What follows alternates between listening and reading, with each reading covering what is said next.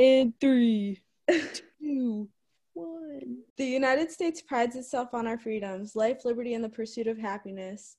But how can American citizens really enjoy these freedoms when many Americans cannot afford to live with our growing issue of income inequality?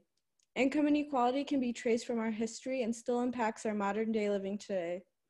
From workforce discrimination to elite hoarding money, income inequality happens in many different forms and affects the average US citizen's accessibility to uh, basic commodities such as education and healthcare. Income inequality has increased in the United States over the past 30 years, as income has flowed unequally to those at the very top of the income spectrum. There are three explanatory causes for failing wages and rising income inequality technology, trade, and institutions. Technology is the most prominent of these problems.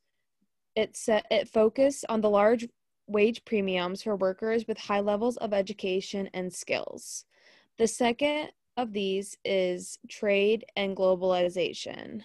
When there is imports in the US economy, it has led to job loss in industries that originally produced goods in the United States. The third explanation is institutional is the institutional framework. Since the late 1970s, deregulation, deunionization, tax change, federal monetary policies has reduced wages and employment. This has been the three main explanations for income inequality that show the difficulty in pointing to one cause of inequality over others.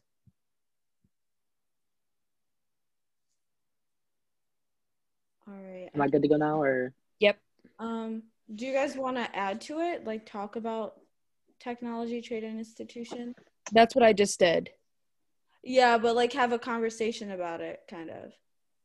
Should we do it like right now or should we wait till after all of them are said and done? What do you think? Well, I mean, if you have anything to talk about it now, like if if you have anything to say, then say it. I guess. Yeah, I think I could say something about All it. right.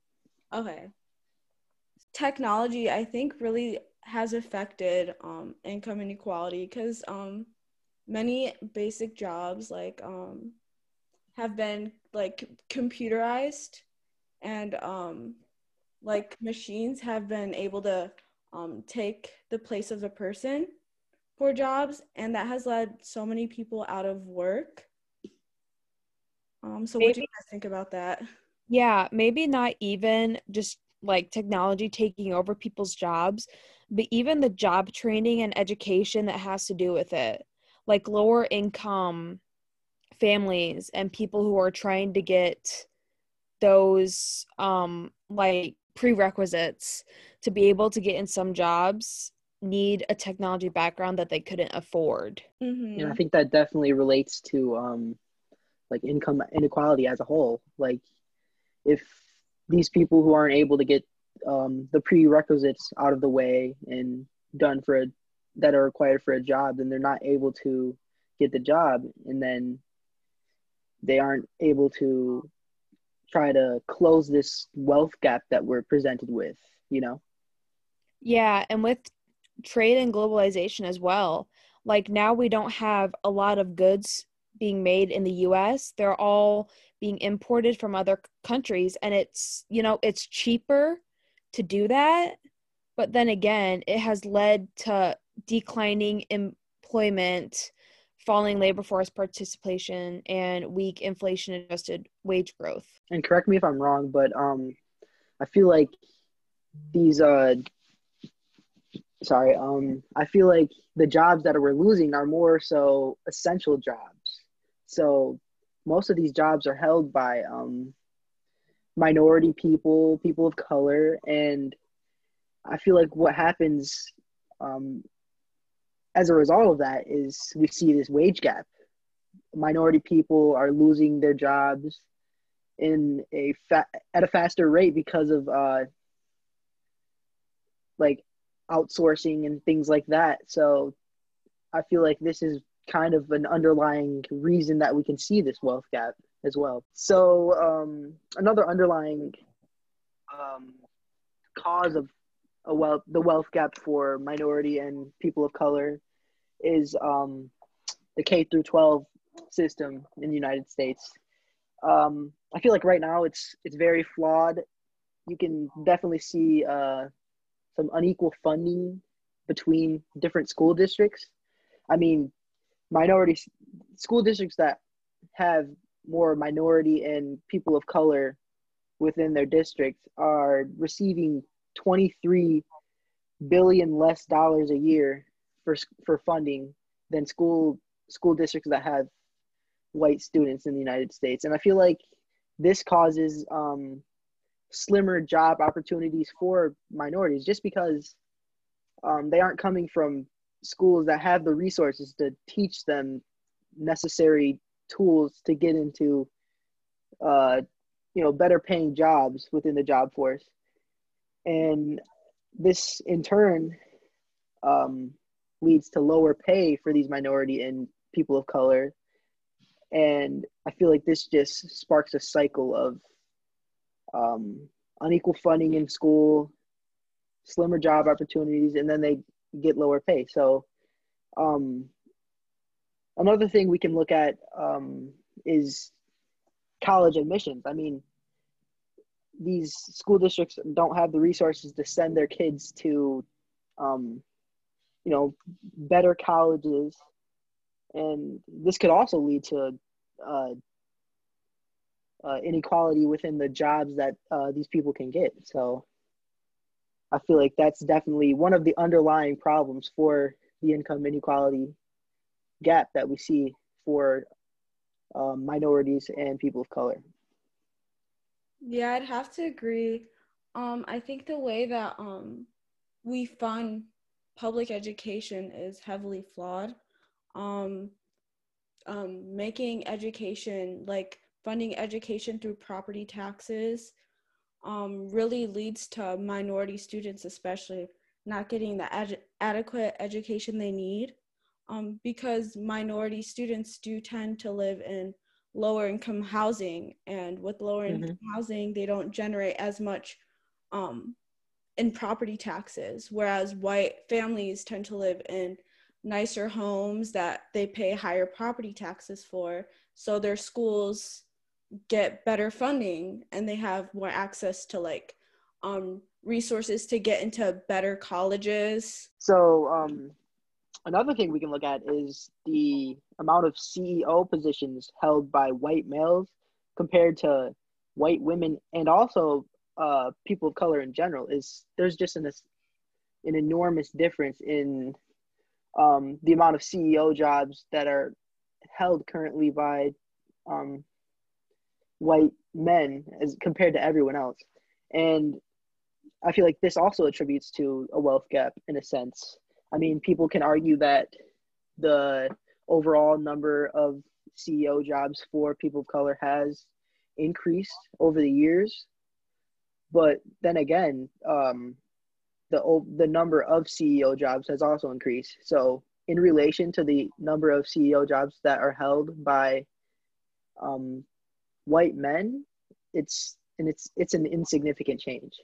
And I think something needs to happen there before we can really start to look at you know what's really causing the wealth gap are you cool. Sorry. Okay. Should i move to political systems? Yeah. Um so i believe that um the way our uh, country is like um, the system our country works on is flawed. I think capitalism does lead to the oppression of people. It not only oppresses like minorities, but it oppresses um, lower class individuals, especially. It doesn't allow, um, like through education, through um, our programs, we don't really allow for lower income individuals to progress and gain more wealth? I think that, you know, social class does have a lot to do with income inequality.